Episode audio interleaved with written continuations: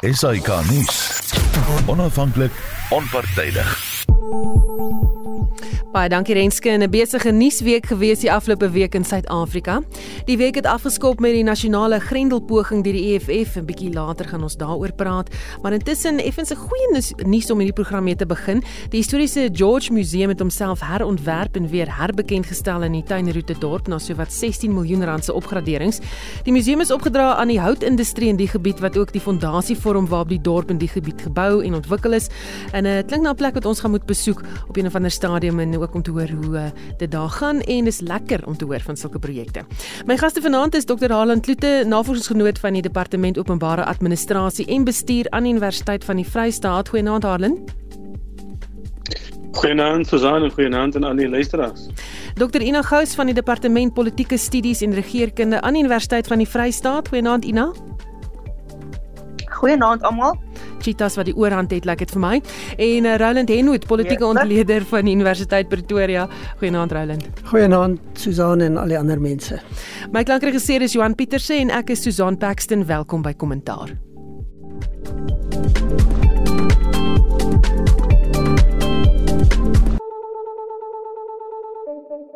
Ek sien luisteraars wat reeds op die SMS-lyn begin saam praat. Jy kan deelneem deur 'n SMS na 45889 te stuur. Onthou dit kos R1.50 en ek sal deur die loop van die program kyk of ek van hierdie boodskappe kan inpas en miskien ons kenners daarna vra. Nou, kom ons begin. Rapport se voorblad het baie foto's op vandag van bekendes wat deur Louis Liebenberg sogenaamd bederf word met vakansies, maar dit is die hoofberig wat aandag trek. Hoe mense jubel en juig oor die dood van die likwidateurs Kloete en Thomas Murray wat in 'n sluipmoordaanval omgekom het. Nou eh, die berig beskryf hoe mense die sluipmoord gevier het en onder meer Louis Liebenberg ook wat op sy Facebookblad daaroor geskryf het en almal wat sê dat dit is wat hulle die Maries verdien het. Die rapport ondersoek instel na die mense wat dit as goed beskryf het en gevra het hoekom hulle dit goed praat het hulle dit verdedig deur te sê dat die likwidateurs aasvoels is met te veel regte. Ander beskryf dit weer as 'n terugslag teen die geveg teen korrupsie. Julle indrukke oor hoe hierdie storie ontvou en die reaksie daarop haal en kom ons begin by jou.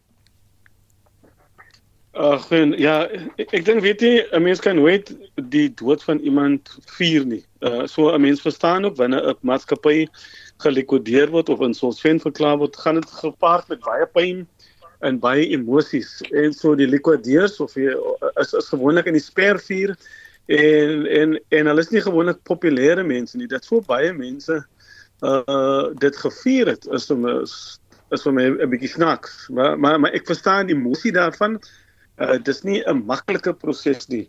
Uh en dan die tweede punt wat ek wil maak is dat uh dit raak nou amper 'n gewoonte. As jy nou kyk verlede week is 'n uh, maand gelede is AKA byvoorbeeld uh ook in 'n tipe sluipmoord aanval doodgemaak.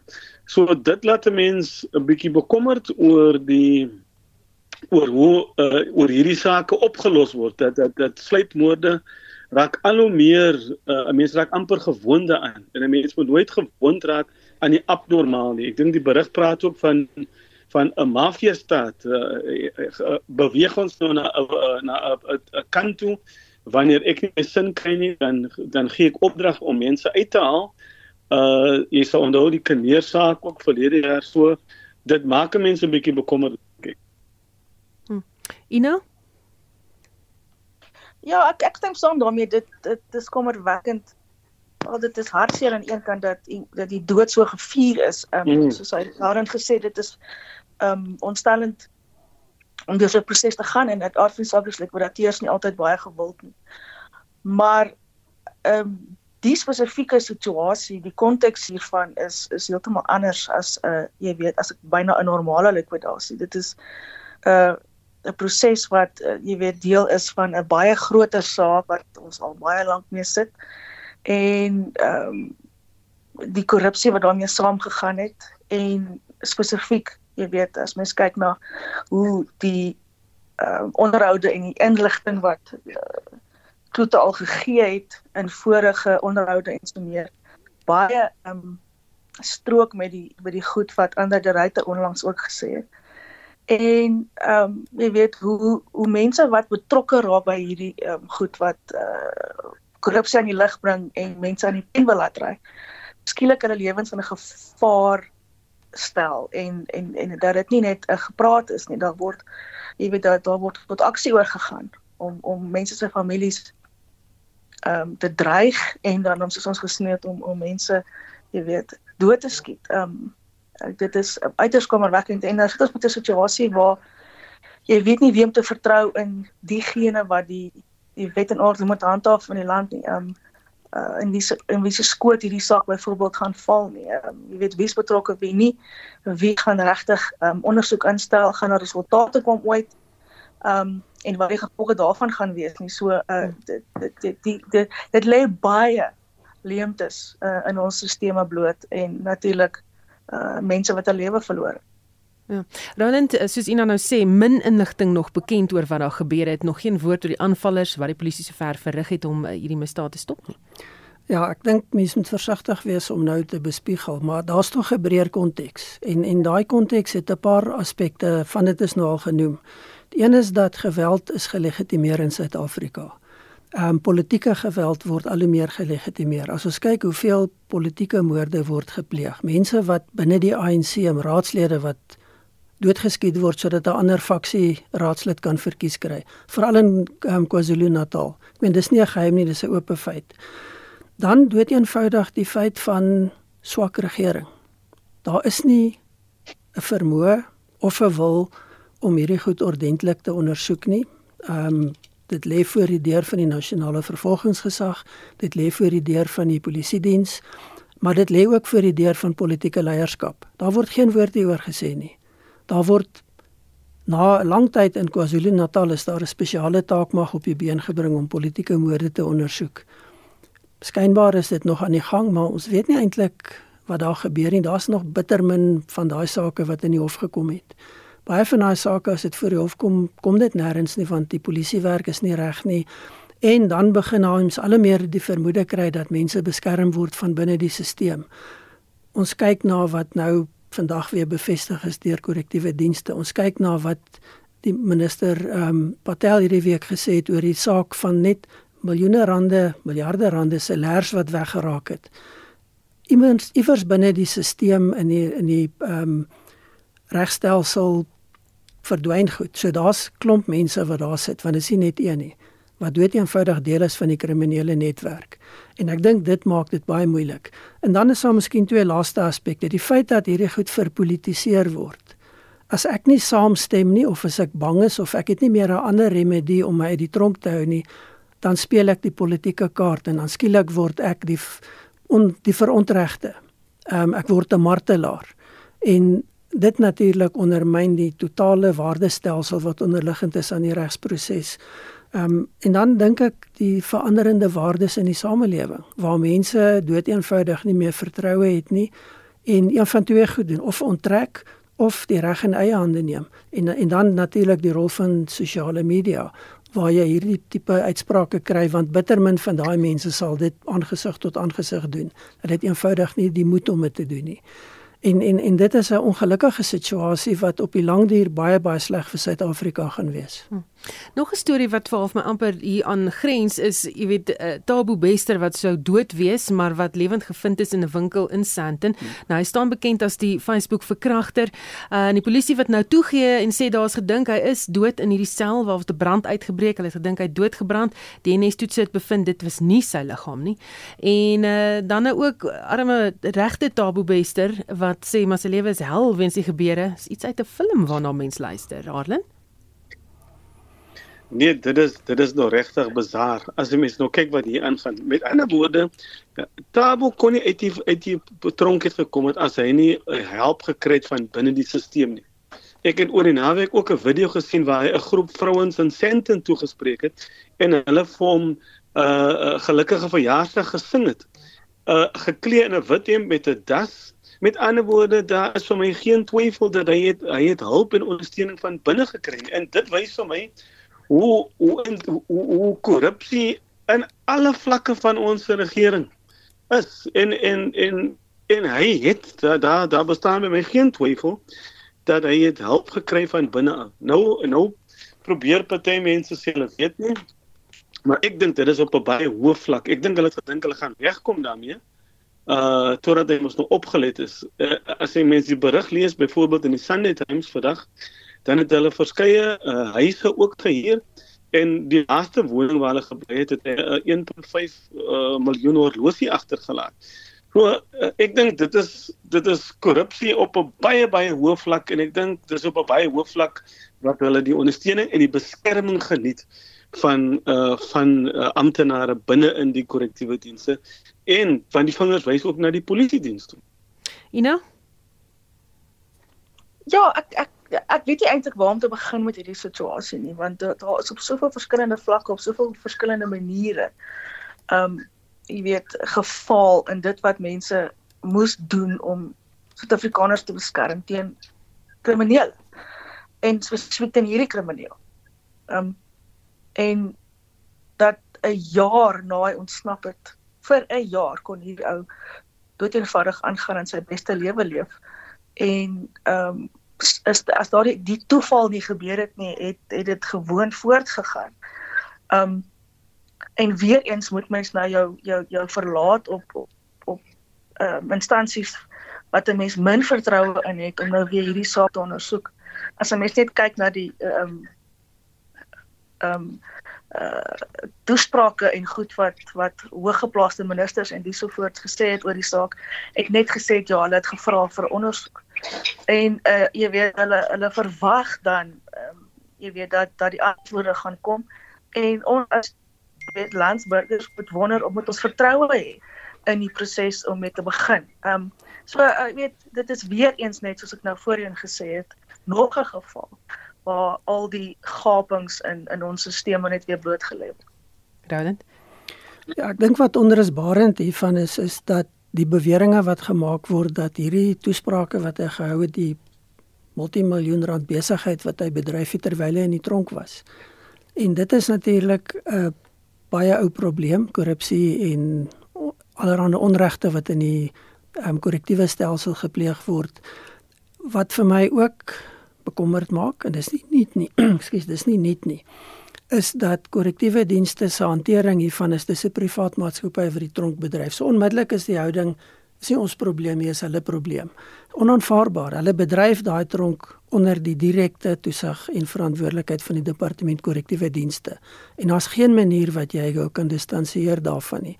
En dan ook onthou nie tot vandag basies het hulle eintlik ontken dat dit gebeur het en ontken dat hulle weet daarvan. Nou begin die inligting al hoe meer uitkom en nou begin die storie verander. En dit bring ons terug by die punt van waar's die leierskap, waar's die sin vir verantwoordelikheid? Waar is die die die dien van die samelewing? Want dis tog wat die regering moet doen en die ANC roem hom daarop. En ons sien telke male dat dit eenvoudig nie net nie gebeur nie, die teenoorgestelde gebeur.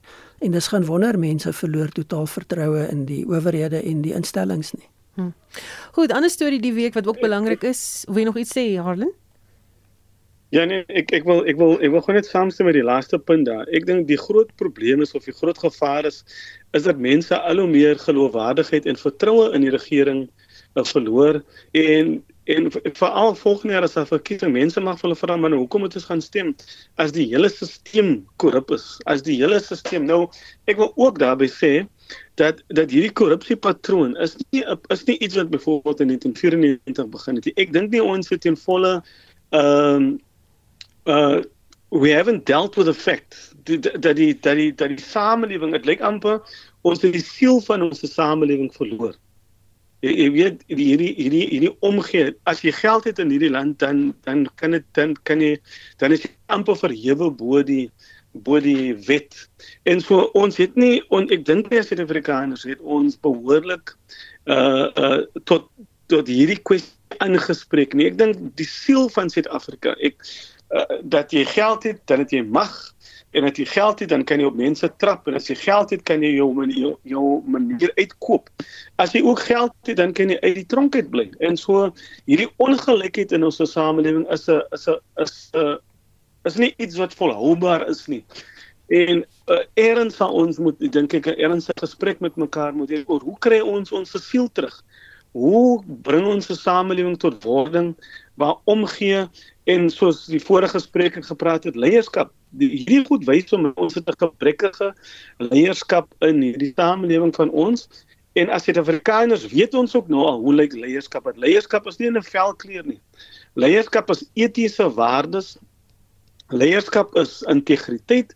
Leierskap is ek steel nie van ander mense en jy jy kan my nie koop nie want ons is verbind aan hierdie poging om die ongelykhede in hierdie land aan te spreek maar ons het, ek dink regtig ons het ons het ons siel verloor in hierdie land. Hm. Ons gaan 'n bietjie later uh, luister na wat Toli Madonsela sê oor menseregte en ek vermoed dit gaan aansluit by wat jy sê Harlan. So hou daai punt van jou. Ons gaan oor na die volgende storie. Die afgelope week besoek die minister van elektrisiteit Dr. Spoetla Ramakgopa al die kragstasies om homself op hoogte te bring van sake en uh, hy het Kuiberg besoek en daar gesien dat die herstel en opknappingswerke aan die twee opwekkingseenhede nog langer gaan duur as wat hulle aanvanklik gesê het. Ehm um, wat Kuiberg betref is die berigte daar dat uh, jy weet daar daar's inmenging van es Eskom. Hulle wil heeltyd hierdie ding bestuur in plaas van om die mense wat dit kan doen te los en daarom word dit vertraag. Uh, iemand 'n kenner wat dan gesê het in die buiteland word binne 3 maande word so 'n diens klaar gemaak. Ina, wat dink jy hiervan? Ja, kyk, ons het mos al baie gepraat oor die die nodigheid van so 'n minister om mee te begin. En en hoekom ons hom het en jy weet as as departemente en ministers wat daarmee gemoeid is. Ehm um, net hulle werk gedoen het, dan het ons nog 'n minister gehad wat jy weet druk druk plaas op belastingbetalers uit die staatskas nie. So dis natuurlik nou maar nog steeds die eerste punt. Nou het ons 'n minister wat met groot vanvare hierdie ehm um, plekke besoek en dan nou uitlatings maak soos ehm um, dis die tegniese probleme en nie noodwendig korrupsie nie. En dadelik kan 'n mens nou sien dit is 'n persoon wat of nie wil nie uit die klokkie by die oorbring nie of daarvoors vir hom gesê dit is jou boodskap van nou af. En ongelukkig het my sinies genoeg geraak geraak om die die laasgenoemde eers te glo. Ehm um, wat mense hoop hy is nie onnoosel genoeg om dink dat dit slegs uh, tegniese probleme is en en nie ook korrupsie nie. Daar tegniese probleme en probleme met onderhoud en sovoorts is as gevolg van korrupsie. Dis as gevolg van politieke inmenging. Almal weet elke verslag wat daaroor geskryf is, elke ondersoek wat tot dusver gedoen is, bewys dit. So dit is um uh, jy weet hartseer en verstommend dat dat na alles uh, dit nou lyk vir my die die die die die aanslag gaan wees wat baie beslis nie die probleme gaan oplos nie. Hmm. Nou uh, Ramakgopa het met sy besoek aan Kusile gesê en dis waarna Ina verwys. Kyk, uh, wys vir my, kyk hier agter my sien julle die korrupsie. Uh, hy het ook gesê dit is 'n gebrek aan besteding en tegniese probleme eerder as korrupsie dat daar soveel probleme is. En dan het hy ook gesê die ontbondeling van Eskom is nie 'n prioriteit nie. Uh, en toe later weer teruggekrabbel en gesê maar uh, dit in konteks probeer plaas. Roland, so wat dink jy sy, sy besoeke was suksesvol? Ek dink dit is belangrik dat hy die besoeke gedoen het. Ehm um, ek dink Dit eenvoudig hy is oneerlik in wat hy sê. Hy weet wat die feite is. Daar's genoeg bewyse, daar's genoeg in die openbare domein. Ehm um, ek dink daar gebeur twee dinge. Die een is dat miskien as ons net kyk na Kuiberg en daarna, daar's vaardigheidsprobleme. Daar's politieke inmenging en dit is 'n probleem wat telke male uitgewys word. En dan is Eskom besig om 'n probleem te word op meer as net hulle onvermoë om elektrisiteit op te wek, want dit daar's 'n groep bestuurders wat inkom wat die idee van sentralisering lyk vir my deel en hulle wil oral beheer uitoefen. En dit is nie die manier hoe hierdie probleem gaan oplos nie. So dis daar's definitief 'n vaardigheidsprobleem wat weier strek as tegniese vaardighede. Maar dan is daar ook die kwessie van polities begin ek al hoe meer die indruk kry dat die ANC begin om distansieer van die hele idee van elektrisiteit en beerdkrag want hulle dit is hulle grootste enkele probleem in die aanloop tot volgende jaar se verkiesing. En ons het nog gesien tot verlede jaar in Desember het die party en die leiers in die party het verantwoordelikheid aanvaar gesê is ons verantwoordelikheid ons het die probleem veroorsaak ons sal dit bestuur. Van Januarie af begin mense sien dat die uitsprake begin verander, die retoriek begin verander na een van daar is nie korrupsie nie, daar is nie dit nie, daar is dit nie. Ek meen die ryter word die swartskaap gemaak alles wat verkeerd loop is die ryter se skuld. Ehm um, nou sy weg en nou loop dit Baie beter, né?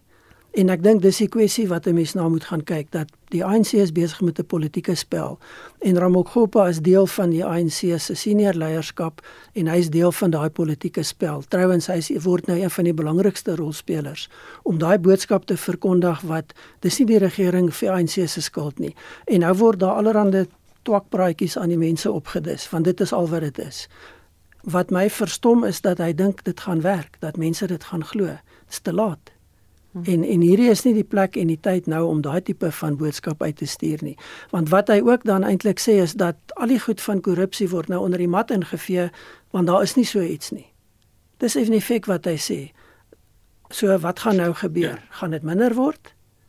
En dan kom ons terug by die feit dat jy nie vermoë het binne die vervolgingsgesag en die polisie of die wil om regtig hierdie sake te pak nie.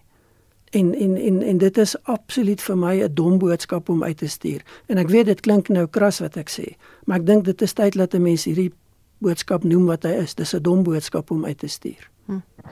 Ehm um, Arlen, is nou 'n heel ander ding, maar 'n mooi storie wat so half uh, tussen al hierdie Eskom stories versteek was vandag is van 'n 80-jarige Robert Jeffrey wat sy doktorsgraad behaal het met 'n proefskrif oor Eskom wat hy hoop hulle sal lees sodat hulle gered kan word, sê hy.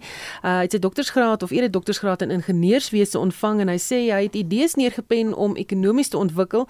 Hy is van mening dat Amerika druk plaas op Afrika en Europa om van fossiel brandstof ontslae te raak, maar dit sal nie werk hier nie.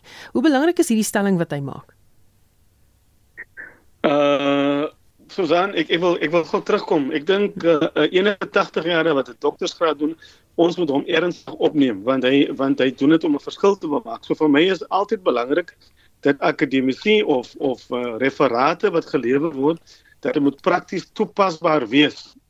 Nou ek ek ek is nie 'n uh, uh, energie kenner nie, maar ek wil miskien terugkom en te sê dat die ek dink beerdkrag is die laaste strooi vir baie Suid-Afrikaners. As daar nog mense is of was wat simpatiek is teenoor die ANC, uh, uh daar is geen twyfel dat die krisis in Eskom is bewerkstellig deur wat die ANC dan nou toegelaat het of nie toegelaat het nie.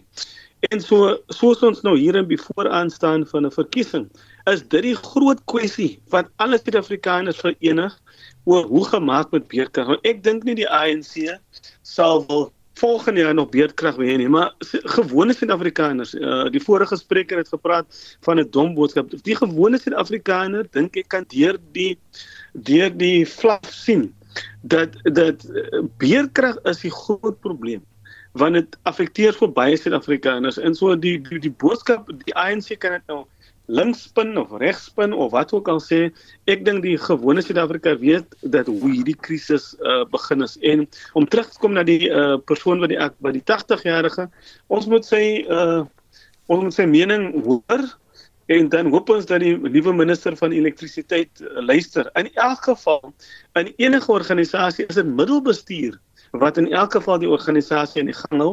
En dan is natuurlik nog die ander kwessie rondom Eskom is die aanstelling van 'n nuwe uitvoerende hoof.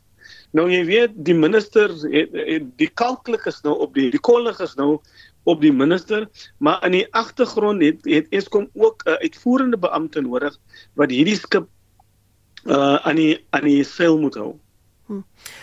Goed, ander belangrike storie die week almal het daarvoor gewag en dit uh, op hete kole gesit die EFF staking wat vir groot afwagting gesorg het. Um, en dit het die privaat sektor miljoene rand gekos om te staai. Erika Gibson berig dat sowat 15000 veiligheidswagte ontplooi is om die polisie en die weermag by te staan.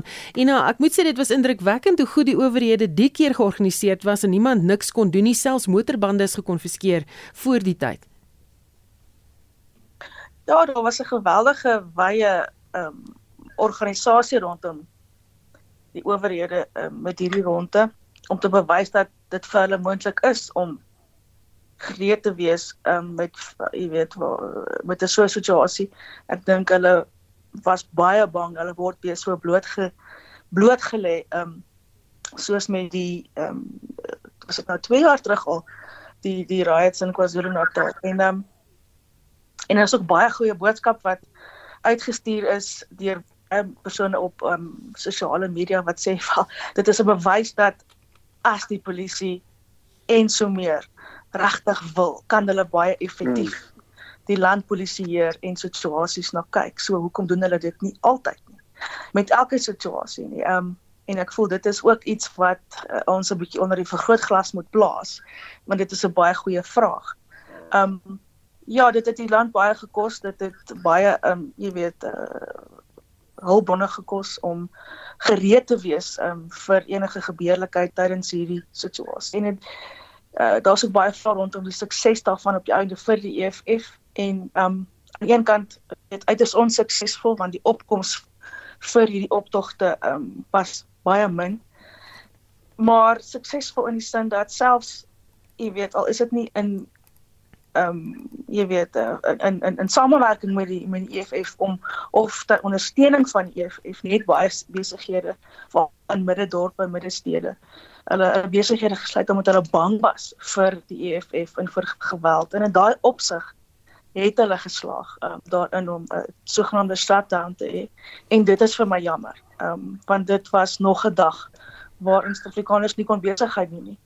Ehm um, so as jy uh, gehoor gee aan 'n EFF dreigement ehm um, en nie omdat jy hulle ondersteun in hulle saak nie, dan voel ek het hulle gefaal in hulle leierskap en hulle poging om ondersteuning te kry en ek dink hulle het dalk die teenoorgestelde reg gekry. Roland, ek sien jy maak verwoed aantekeninge terwyl Ina praat. Voor jy daaroor gesels, Wal Baartman van Bidwest het 'n interessante opmerking gemaak. Hy sê selfs die opstoking op sosia eh, sosiale media met fopnuus is dadelik in die kiem gesmoor. So belangrik is die gebruik van sosiale media om mense so op te stoot. En baie belangrik, ons sien dit reg oor die wêreld dat dit al hoe groter invloed het en 'n baie direkte rol speel in hierdie tipe van hantering. So dit is belangrik en ek dink die die onderliggende boodskap hier is indien die samewerking bestaan tussen rolspelers en die wil om dit te doen, dan is daar kundigheid en vermoë. Ons het dit gesien maandag. Baie interessant. Ek het maandag aand Johannesburg toe gery en dit was verstommend hoe anders dit was van Pretoria af met hoeveelheid polisie en hoe mense gery het. Ek het vanaand hiernatoe gery. Ek het nie een keer 'n polisievoertuig gesien nie um een plek iewers langs die pad wat hulle onder 'n brug sit en een kamera wat onbeman is. Die mense ry asof hulle geen reëls het nie. Um en en dit is die verskil. Op die stadium ons bevind ons onsself ongelukkig in 'n plek waar Suid-Afrikaners gaan geleer moet word en gedwing moet word om weer die basiese wette te gehoorsaam. Ons doen dit nie want ons dink dit geld vir ander mense ons is te goed om daaraan te luister of ons is dood eenvoudig te dom as strand. En dit is die tipe goed wat vir my sê hoekom is daar geen polisie sigbaar op 'n aand soos vanaand nie? Dis onaanvaarbaar. Veral as ons gaan kyk na wat is besig om met misdaad in Suid-Afrika te gebeur. En en dan wil ek 'n opmerking maak wat dalk bietjie snaaks kan klink. Ek is tog bekommerd oor maandag se gebruik van die veiligheidsmagte. So effektief want die indruk wat dit by my skep is as dit 'n politieke opponent is, dan slaan ons hulle baie hard en ons sorg dat goed reg gaan. En die oomblik as daai politieke opponent verdwyn, misdaad is nie 'n issue nie. Ons doen kyk nie daarna nie. En ek dink dit is iets wat ons 'n bietjie aandag aan moet begin gee. Tot watter mate begin ons 'n fase betree waar ons hierdie vrae met reg kan vra van ons regering en sy gebruik van die veiligheidsmagte? Want ons sien dit nie in ander geleenthede tot dieselfde mate nie. Dit word nie gedoen om die gemeenskap te beveilig nie. En ek dink ons moet bietjie versigtig begin kyk na dood eenvoudig net sê hulle is effektief, hulle is goed gewees. Hoekom was hulle so effektief en hoekom was hulle so goed? Wat was die doel daarvan? Ehm um, ek sê nie die bedreiging die dreigemente van die EFF moet nie ernstig opgevat word nie. Maar ek dink daar's tog iets meer hier in wat ons met reg kan begin vra in Suid-Afrika. Harlan? Ek dink uh, kom ons as ons terugkyk na die na die EFF se poging. Ek dink dit was strategies baie goed. Die datum was was goed gekies. Die 20ste, dis nou net voor die vakansiedag. So so strategies was dit was dit gemik uh dink ek om maksimum met party mense was op vakansie en so ek ek dink nie dit is per ongeluk dat die EFF daardie dag gekies het nie. Die punt wat Roland maak is dink ek is 'n belangrike punt is dat die die politieke wil Ek het 'n vriend wat in die polisie was. Hy was met vakansie. Hulle was teruggeroep om hierdie om hierdie aanslag van die EFF uh, hok te slaan. So daar was duidelik politieke druk en politieke wil en daar was mense gemobiliseer en aan die einde van die dag dink ek nie die die uh, betoging was so suksesvol as wat die EFF graag wil hê nie. Die EFF is link van die uh sente uh en en en hulle en hulle mobiliseer daar, maar alhoewel hulle links is dink kry hulle nie wendig die steen wat hulle hoop gekry het van die gewone mense in die straat. En so uh dat daar dat die dat die linkse stem dat die dat die kwessies waaroor hulle geprotesteer het dat hulle nie reg kon kry om alle Suid-Afrikaners of meer Suid-Afrikaners te verenig rondom hulle uh, sê, sê tog iets hier van onthou 'n paar jaar gelede toe Jacob Zuma, daar was 'n protes teen Jacob Zuma, het dit baie meer Suid-Afrikaners uitgebring. So die so die EFF se boodskap is beperk tot 'n baie kleiner groep mense wat nie noodwendig die deursnee uh Suid-Afrikaner bereik nie. En so uh ek ek ek dink hulle hulle het nie noodwendig geslaag in hulle poging nie wat wel geslaag het ons het gesien dat as die polisie wil as die veiligheidsmagte wil dan kan hulle daar is misdaad is is is hoog in die land soos Roland gepraat het van uh, uh daar's nie sigbare polisieering nie ons het uh, uh die ander kollega het my gesê jy moet jy moet die geleentheid minimiseer van mense om misdaad te wil pleeg en dit doen jy deur sigbare polisieering en meer proaktief te wees. Nou wat ons maandag gesien dink ek was 'n baie reaktiewe poging want ons sien het, ons dis nie volhoubaar nie. So dit is amper 'n skans veiligheid maar hierdie tipe polisieering is net nie volhoubaar nie en en en so dit kom weer na politieke wil. Hy het gepraat ook oor gevolge. In hierdie land is daar uh, daar ek dink nie daar is genoeg respek vir die for the rule of law nie is dit want mense kom weg met sekere goed. Ehm uh, en ek het vroeër die punt gemaak as jy geld het dan kan jy wegkom met met met 'n hele klomp goed. So uh kom ek kom ek los dit daar. Goed, ons jy het nou net gesê die EFF het na die tyd gesê die protes het presies uitgedraai soos hy gehoop het en die president het by die Menseregte Dag toespraak of sy Menseregte Dag toespraak gesê dankie dat die nasie nie die EFF ondersteun het in die beplande grendelpoging nie. Maar gepraat van Menseregte Dag vieringe, iemand het die afgelope week aan die voormalige openbare beskermer en nou regsdosent aan die Universiteit Stellenbosch professor Tuli Madonsela gevra, moet ons nog Menseregte Dag in Suid-Afrika vier in die lig van al hierdie goeters? En Madonsela het geantwoord absoluut en sy het verder gesê dat die fokus van die dag eintlik moet wees dat wanneer jy mense se regte respekteer, kweek jy 'n kultuur van medemenslikheid. Kom ons luister gou na wat sy gesê het. We do need a human rights day. Incidentally, globally, Human Rights Day is on December 10, and today, everywhere on earth except our country, today is International Anti Racism Day. I would have thought actually that our country needs an anti racism day more than the rest of the world. But mm. our leaders chose to name this day, which used to be Sharpeville Day, mm. Human Rights Day. We do need it because every day ordinary people violate human rights, not because they're terrible people, because they often don't know what is the extent of their rights and where do their rights end and where do other people's rights end? And we need to cultivate that culture of understanding and that we exist on the basis of shared humanity. Madonsela sê dit is belangrik om te onthou watter soort foute in die verlede gemaak is sodat dit nie weer gemaak word nie. I think if we understand that for example would have police behave the way they mostly behaved yesterday where they make sure that protesters are guided to exercise their rights without harming public infrastructure or other people, mm. but there's no excessive use of force.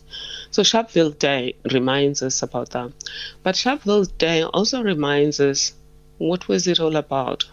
It's not just about the 69 that we killed, it's also about they were killed because they were asking for a South Africa where everyone belongs, where the majority of the people are not consigned to menial jobs.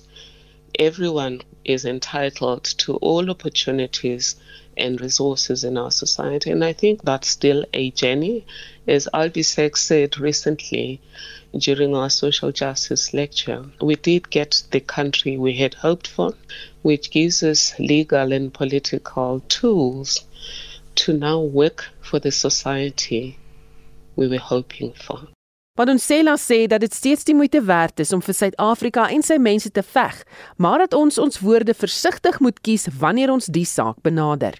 I'm not sure whether we need a fight or we need to build. And this is where right. I would like dialogue with a whole lot of of of of young people. My generation, we fought because there was no room for engagement, mm. and we were not allowed a seat at the table. Today, the designers of the society we have are mostly us. I speak as somebody who was part of designing the Constitution. I can speak to exact words that Professor Nhlapo and I drafted. I speak as the designer of the Equality Court. We have to be consciously aware of what does it take to design. Maybe fighting doesn't always help. Maybe releases the stress for a day, but it doesn't really redesign society to be a place for everyone. Sy het ook gereageer op die EFF se beweringe dat as hulle nie ontwrigtend optree nie, selfs in die parlement nie, dan word hulle nie gehoor nie. Well, you need tools to be heard. Um, if you think about old Hellenic society, Roman society, they taught people philosophy, law, and oratory. And of course, even in, if 90% of your speech is just insulting people and heckling people, nobody's going to hear you. But I've met young people through One Young World that have gone into parliament in their own countries as independents, one person, that have passed laws. Mm. Think about uh, Ortez in, in America. She has made a difference, but not because she's, she spends 90% of her time insulting and heckling. She spends a lot of her time giving prepared speeches that understand clearly the picture of the society she has signed up for. Maar ons sê la waarsku egter dat hoewel ons genoeg instansies het wat ten doel het om menseregte te beskerm, die publiek steeds nie oor hulle regte ingelig is nie. What we do need to do though is embark on an aggressive human rights literacy program. Some do it We have something called everyday law and justice, for example. So we do teach people human rights, but I think we need everyone to know. For example, at all our events, we require that the preamble be read because whatever is said repeatedly eventually creates pathways mm. that paint a picture of the society you want. And the preamble is very clear about what kind of society are we building. And we hope that eventually we'll not be the only ones that read the preamble at the start of our events, and that it will be a common practice that after the national anthem we read the preamble. Then we then begin to redesign everything, including our day to day, how we talk to each other, how we talk about each other in our absence. Because how does racism persist in South Africa? Nou dis die voormalige openbare beskermer en nou regstosent aan Universiteit Stellenbosch professor Tuli Madonsela. Roland, jou gedagtes hier? Ja, sy maak 'n hele klomp baie geldige punte. Ek dink as ons terugkom by die beginsel van Menseregte Dag. Dis 'n baie belangrike dag, simbolies, histories. Maar waar loop dit verkeerd? Ek dink een van die groot probleme is 'n punt wat sy uitlig oor die EFF se styl van politiek. Hulle het 'n baie besondere styl, maar dit is meer algemeen. Wat gebeur op Menseregte Dag? Ons kry politieke partytetiese toesprake. Daar is nie hierdie breë fokus op die gemeenskap en die regte en die belange van die gemeenskap nie. Dit word verpolitiseer en onmiddellik is dit verdelend want jy het mense wat die die binne stoele beklee en dan jy mense wat uitgestoot word. En ek dink dis een van die belangrike tekortkominge met baie van ons vakansie daar. En dan word hier van regeringskant af gesê sekere gemeenskappe stel nie belang nie, hulle wil nie deelneem nie, hulle is nie sigbaar nie. Dalk moet ons die vraag vra hoekom? Mense is nie tuis nie. Mense voel nie deel daarvan nie. En ek dink dis 'n baie belangrike punt wat sy maak wat ons dalk anders na moet gaan kyk. Ehm um, die die belangrike beginsel hier ook is dat ja, mense moet ingelig word oor hulle regte, maar ek dink een van die groot uitdagings in Suid-Afrika is dat ons te veel op regte fokus en te min op verantwoordelikhede. En daai balans kan jy nie die een of die ander een doen nie. Jy moet beide hê. So dit is 'n baie meer komplekse en 'n baie breër opvoedingstaak wat wat ehm um, voor Suid-Afrika lê. En die feit is dis nooit gedoen nie.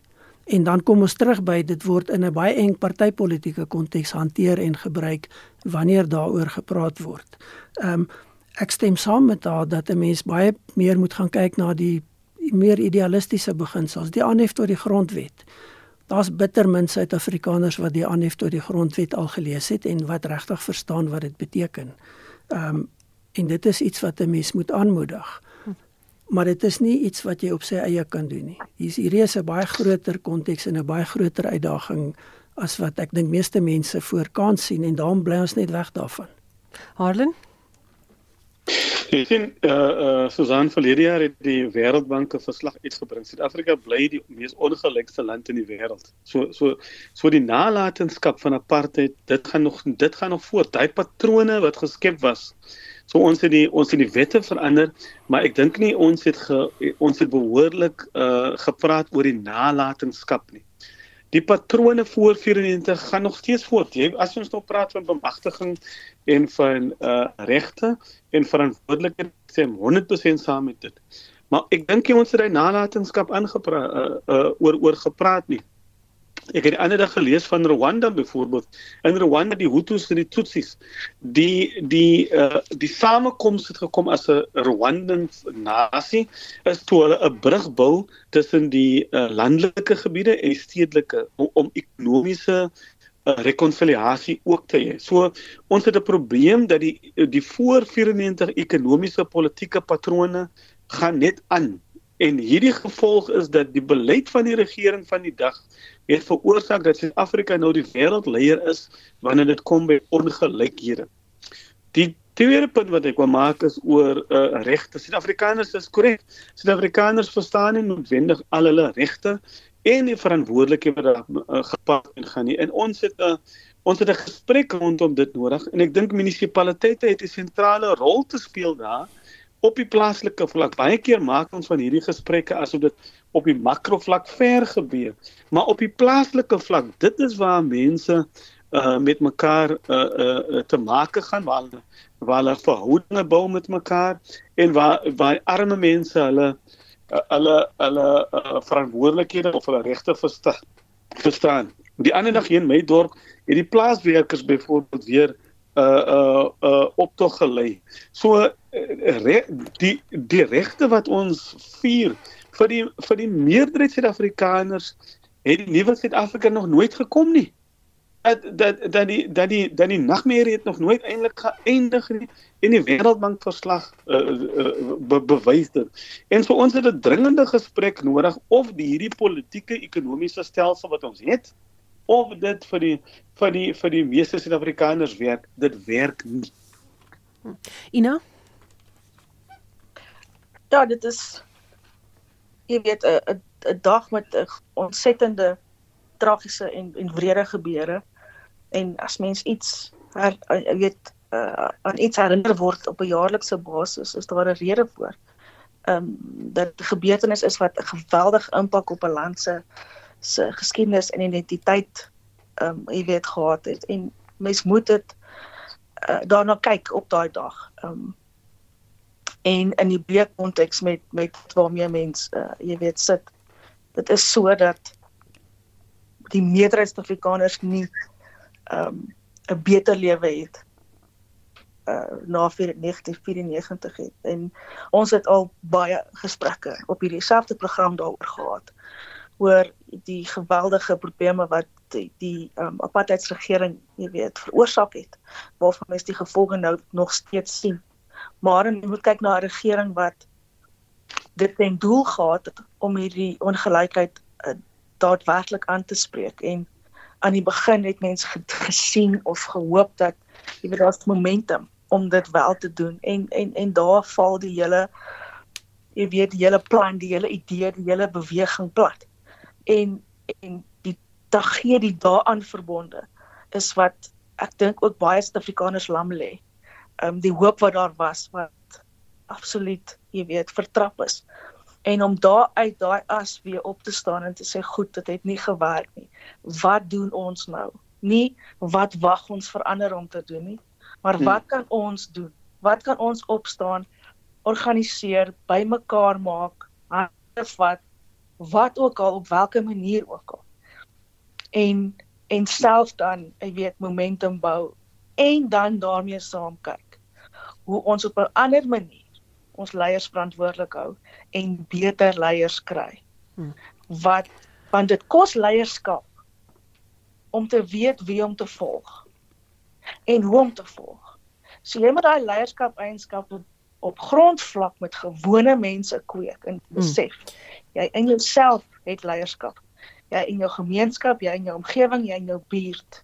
Want jy kan daai leierskap gebruik om te kies wie jy gaan volg en wie op die ou einde moet leiding neem en op watter maniere. En ons het ook baie ek en jy by die program gesprekke gehad van in die gas wat ons op die oomblik beleef is dit wat my aanbetref. Die enigste hoop wat daar is is op grondvlak daar waar jy bly, jou bure, jou mense om jou. Jou ja. dorp. Waar wat daar hande maak daar 'n plan en werk van onder af woontoe. Ja. Roland, so vinnig. As ek nog iets kan sê. Okay, Roland gaan dan. Kan ek Ja, ek ek dink ek dink ek dink verpligte leesstof moet wees, jy weet, in 2012 het professor Sampieter Blaan se boek geskryf Verdeelde Land en en en waar waar praat oor hoekom die transformasie verkeerd gaan. Een van die punte wat in die boek noem, sê ons het nie sosiale solidariteit nie. En spesifiek wat Ina nou gesê het, ek dink die munisipaliteit het 'n sentrale rol te speel om nasieskap om om om om om gemeenskap te bou deur ook vir ons of om te fasiliteer gesprekke van verskillende agtergronde. Maar verpligte leesstof dink ek vir elke Suid-Afrikaner is hierdie boek Verdeelde Land deur professor Sam Pieter Blans waar hy die, die hele politieke ekonomiese konteks van waarvan ons kom tot waar ons nou is en ons het nie in hierdie land uh, ons is nie eerlik genoeg om te praat oor die nalatenskap van apartheid wat nog steeds vir miljoene Suid-Afrikaners hierdie nagmerrie nog nooit uh geëindig nie, voel nog steeds uitgesluit deur die ekonomiese stelsel en en die en die nuwe elite, die nuwe politieke elite het absoluut uh, geen net nie om vir die arme mense nie. En en terwyl uh, Anton het dit gesê if they don't eat, we don't sleep. So ons kan nou hierdie dag vier een dag en sê ons het nou menseregte dag gevier, maar as die in Engels sê the lived experience van die arme mense dit nie voel nie. Jy weet die die die die die arme mens voel die uitsluiting, die uitsluiting, die gemarginalisering, die die die tot op die uithoeke nie deel vorm nie. Daai hierdie stelsel is bloot nie volhoubaar nie. Hmm. Unless ons op die plaaslike vlak uh, dit begin ook aanspreek. Roland Ja, net miskien 'n laaste opmerking en ek dink Aran verwys nou indirek daarna. Dit is natuurlik die risiko dat die oorlewing en die sukses van die demokratiese projek in Suid-Afrika gaan nie deur politiek bepaal word nie, maar deur sosio-ekonomiese faktore. En op die stadium val ons absoluut om die sosio-ekonomiese omstandighede te verander. Hm. Asai, met daai gedagte, bly geskakel net hierna dan praat ons oor nuus in die buiteland.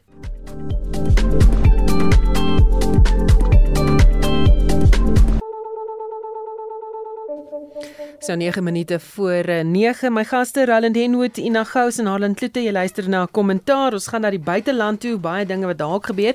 Die week het uh, Donald Trump sy volgelinge gewaarsku op sosiale media dat hy in hegtenis neem sou word. Die distriksaanklaer van Manhattan in New York oorweeg die vervolging van Trump in verband met geheime betalings aan die pornoaktrise Stormy Daniels vir die 2016 verkiesing. Sou hy wel agter tralies beland sal dit 'n geskiedkundige oomblik wees, meen kenners. Uh, vandag het hy gewaarsku dat sou hy in hegtenis neem word word daar en ek gaan dit lees soos hy dit getweet het Death and Destruction wees. Hy het die woorde getweet op sy sosiale media rekening. Roland, wat maak jy van die gebeure? Ja, dit klink baie bekend, né? Ons sien baie dieselfde in Suid-Afrika afspeel. Ek dink daar's twee aspekte. Die een is dat jy verpolitiseer die regsproses. Jy word 'n slagoffer in plaas van 'n aangeklaagde of 'n persoon wat ondersoek word en dan kry jy simpatie. 'n Baie gevaarlike politieke strategie om te volg.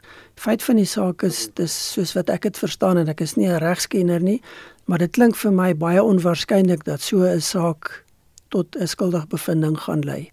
Ehm um, so die vraag is hoekom hoekom nou? want dis 'n ding wat hulle baie lank pad kom en en dan kom dan word die hele verpolitisering daarvan al hoe meer relevant. Ehm um, ek dink dit is waarskynlik dat Trump bietjie sy hand oorspeel op die stadium want daar het nog niks gebeur nie. En hy is eintlik besig om 'n klimaat te skep waar die regsproses op so 'n mate opgestel word dat hulle gaan moet reageer anders lyk dit asof hy hulle afdreig. En dis 'n ongelukkigheid. Dit kan dalk vir hom werk, maar die langtermyngevolge gaan baie negatief wees. Hmm. You know, um of ekskuus Harlan, hy sê dan dat Trump sê, en soos uh, Roland nou gesê het, die aanklagte is polities gemotiveerd en daar was geen misdaad nie. Kyk, Trump se ondersteuning in Amerika is nog steeds baie. Daar is nog steeds mense wat glo dat die vorige verkiesing was gesteel. En so Trump is 'n meester in manipulasie. Hy is 'n meester deur die slagoffer te speel. Hy is die ek dink hy's die vader van fake news. En so hy sal hy sal want in in vir sy ondersteuners werk omdat hy uitgewys word as die slagoffer. En dit sal hom natuurlik nog nog meer gewilder maak. Soos uh, Roland sê, ons het dit in Suid-Afrika ook gesien dat mense hou van die slagoffer. You know, uh, they they love the underdog. En so die politiek, die Amerikaanse politiek bly ehm uh, dit fascineer my. Uh, ek dink Trump is baie goeie entertainment. Uh uh hy's 'n kleurvolle karakter wat die regte retoriek praat en die regte geleide maak uh sodat hy nog baie ondersteuning het uh is gewis of hy of die stelsel hom in die tronk sal sit as ek nie seker nie maar ek kan jou verseker sou hulle hom vervolg sal dit hom nog gewilder maak Ina, hierdie sal wel 'n geskiedkundige oomblik wees as so iets met 'n voormalige president van die FSA sou gebeur. Ja, dit is duidelik so en dit is daai argument wat ehm um, sy ondersteuners binne die kongres ehm um, jy weet en en die senaat ook ehm um, wil aanvoer dat ehm um, dat die feit dat hy 'n vorige president is op een of ander wyse vir hom jy weet ander uh, jy weet uh, spesiale behandeling moet moet kry binne die reg en natuurlik is dit nie uh, moet dit nie toelaat toegelaat word nie. Ehm um, wat ook problematies is is dat jy weet lede van sekere komitees sogenaamde komitee wat juis nie ehm um, jy weet uh, politieke situasies uh, moet bewapen nie het besluit hulle gaan die die die mense wat hom wil vervolg, uh, jy weet 'n dreigbrief stuur om te sê, jy weet uh, ons waarsku julle om hiermee voort te gaan en dit is daai tipe inmenging wat hmm. vir Suid-Afrika uh, die uh, Amerikaanse regering en vir die president vir die Withuis uh, en vir Amerikaners 'n baie groot uh, gevaarligte moet laat flikker en um, die ondersteuning wat Trump het, ja, het hy en dis baie lojaal. Dit is met tipe mense wat net nou dag op het weer gesê in hulle lewe gaan dit oor God, geweer en Trump. So dit is byna 'n sekte. Mm. En erg radikaal en ek dink uh uh jy weet dit is dit kan gevaarlik word. Ehm um, as as die vyand opgehou word en soos ons in vorige uh, groot uh, jy weet storm van die van die van die uh, geboue gesien het. So ehm um, Eh, die reg moet sy gang gaan. Hy het natuurlik nou vir die ding vooruitgeloop om te sê dat hy vermoed hy gaan gearresteer word op 21 Maart en uh, dit is dit is toevallig ook my verjaarsdag. So ek het ek het regtig gehoop dit gaan 'n vreeslike groot persent wees in my lewe. Maar dit het stil stil verby gegaan. Ehm um, so nou sal ons maar net verder sien wat gebeur, maar ja, hy hy speel uh jy weet sy kaarte goed vir die wat hom ondersteun. Ek dink egter die res sien dwars deur dit mense hoop net dat hulle uh, meer voorberei sal wees op ehm um, jy weet uh, dreigemente wat dalk mag mag voorkom om om 'n paar goed om om om hmm. jy weet onstabiliteit te veroorsaak. Goed, ek wil nog so 'n laaste storieetjie aanraak en ek is seker almal van julle gaan 'n kans kry om te praat en ons tyd hardloop uit, maar die Anglikaanse biskop Tabo Makgabo het die president van Uganda, Yoweri Museveni gevra om nie die omstrede wetgewing oor homoseksualiteit te aanvaar en te onderteken nie. Die wetgewing wil homoseksuele optrede van enige aard strafbaar maak met die dood selfs vriende en familie word ingetrek by hierdie wetgewing. Roland, hierdie gebeure is is baie kommerwekkend. Dit is en dit dreis in teen die beginsels van die handves van die Afrika Unie. Ehm um, maar ons sien al hoe meer hierdie amper ekstreme interpretasie van godsdienstige beginsels en die verpolitisering daarvan en en die neerlê daarvan in wetgewing. En ehm um, dit is nie net in Uganda nie, maar Uganda is nou die nuutste voorbeeld daarvan. Onthou ons het dit in Zimbabwe ook gekry op 'n stadium. En die die probleem wat 'n mens het is dat die konteks is baie groter as net die spesifieke fokus. Dit hou vir my verband met 'n breër politiek, met 'n breër begrip van bedreigings teen die presidentskap en dan die gebruik van hierdie tipe maatreëls om jou politieke beeld, jou sterkman beeld te vestig en jou ondersteuningsbasis tot 'n mate te paai, maar ook te intimideer. En en dit is 'n baie onrusbarende gebeurtenis en dis maklik om dit te sê vanuit 'n Suid-Afrikaanse konteks waar ons baie sterk gevestigde praktyk het, baie sterk regskonteks het waar binne hierdie tipe regte beskerm nie net verdra word nie, maar beskerm word. En en dit is kommerens bekommerenswaardig om te sien wat daar gebeur en indien dit dood eenvoudig in stilte bekyk word, toegelaat word, gaan ons sien dat dit dalk op ander plekke ook begin gebeur. En dit hou nogal redelike sterk um, gevolge in in die konteks van 'n breë menseregte kultuur, maar ook baie belangrik in die konteks van konstitusionele regering en die idee van 'n konstitusionele demokrasie. Hmm. Nou ja, met daai waarskuwing dan uh, gaan ek dit halt roep vir vanaand hier in op kommentaar. My gaste was Dr. Harlan Kloete, navorsingsgenoot van die Departement Openbare Administrasie en Bestuur aan die Universiteit van die Vrystaat, Dr. Ina Gous van die Departement Politieke Studies en Regeringskunde aan die Universiteit van die Vrystaat en Roland Henwood, politieke ontleder uh, van Universiteit Pretoria. My klankregisseur is Johan Pieterse en my naam is Susan Paxton. Geniet jou aand in die geselskap van RSG. thank you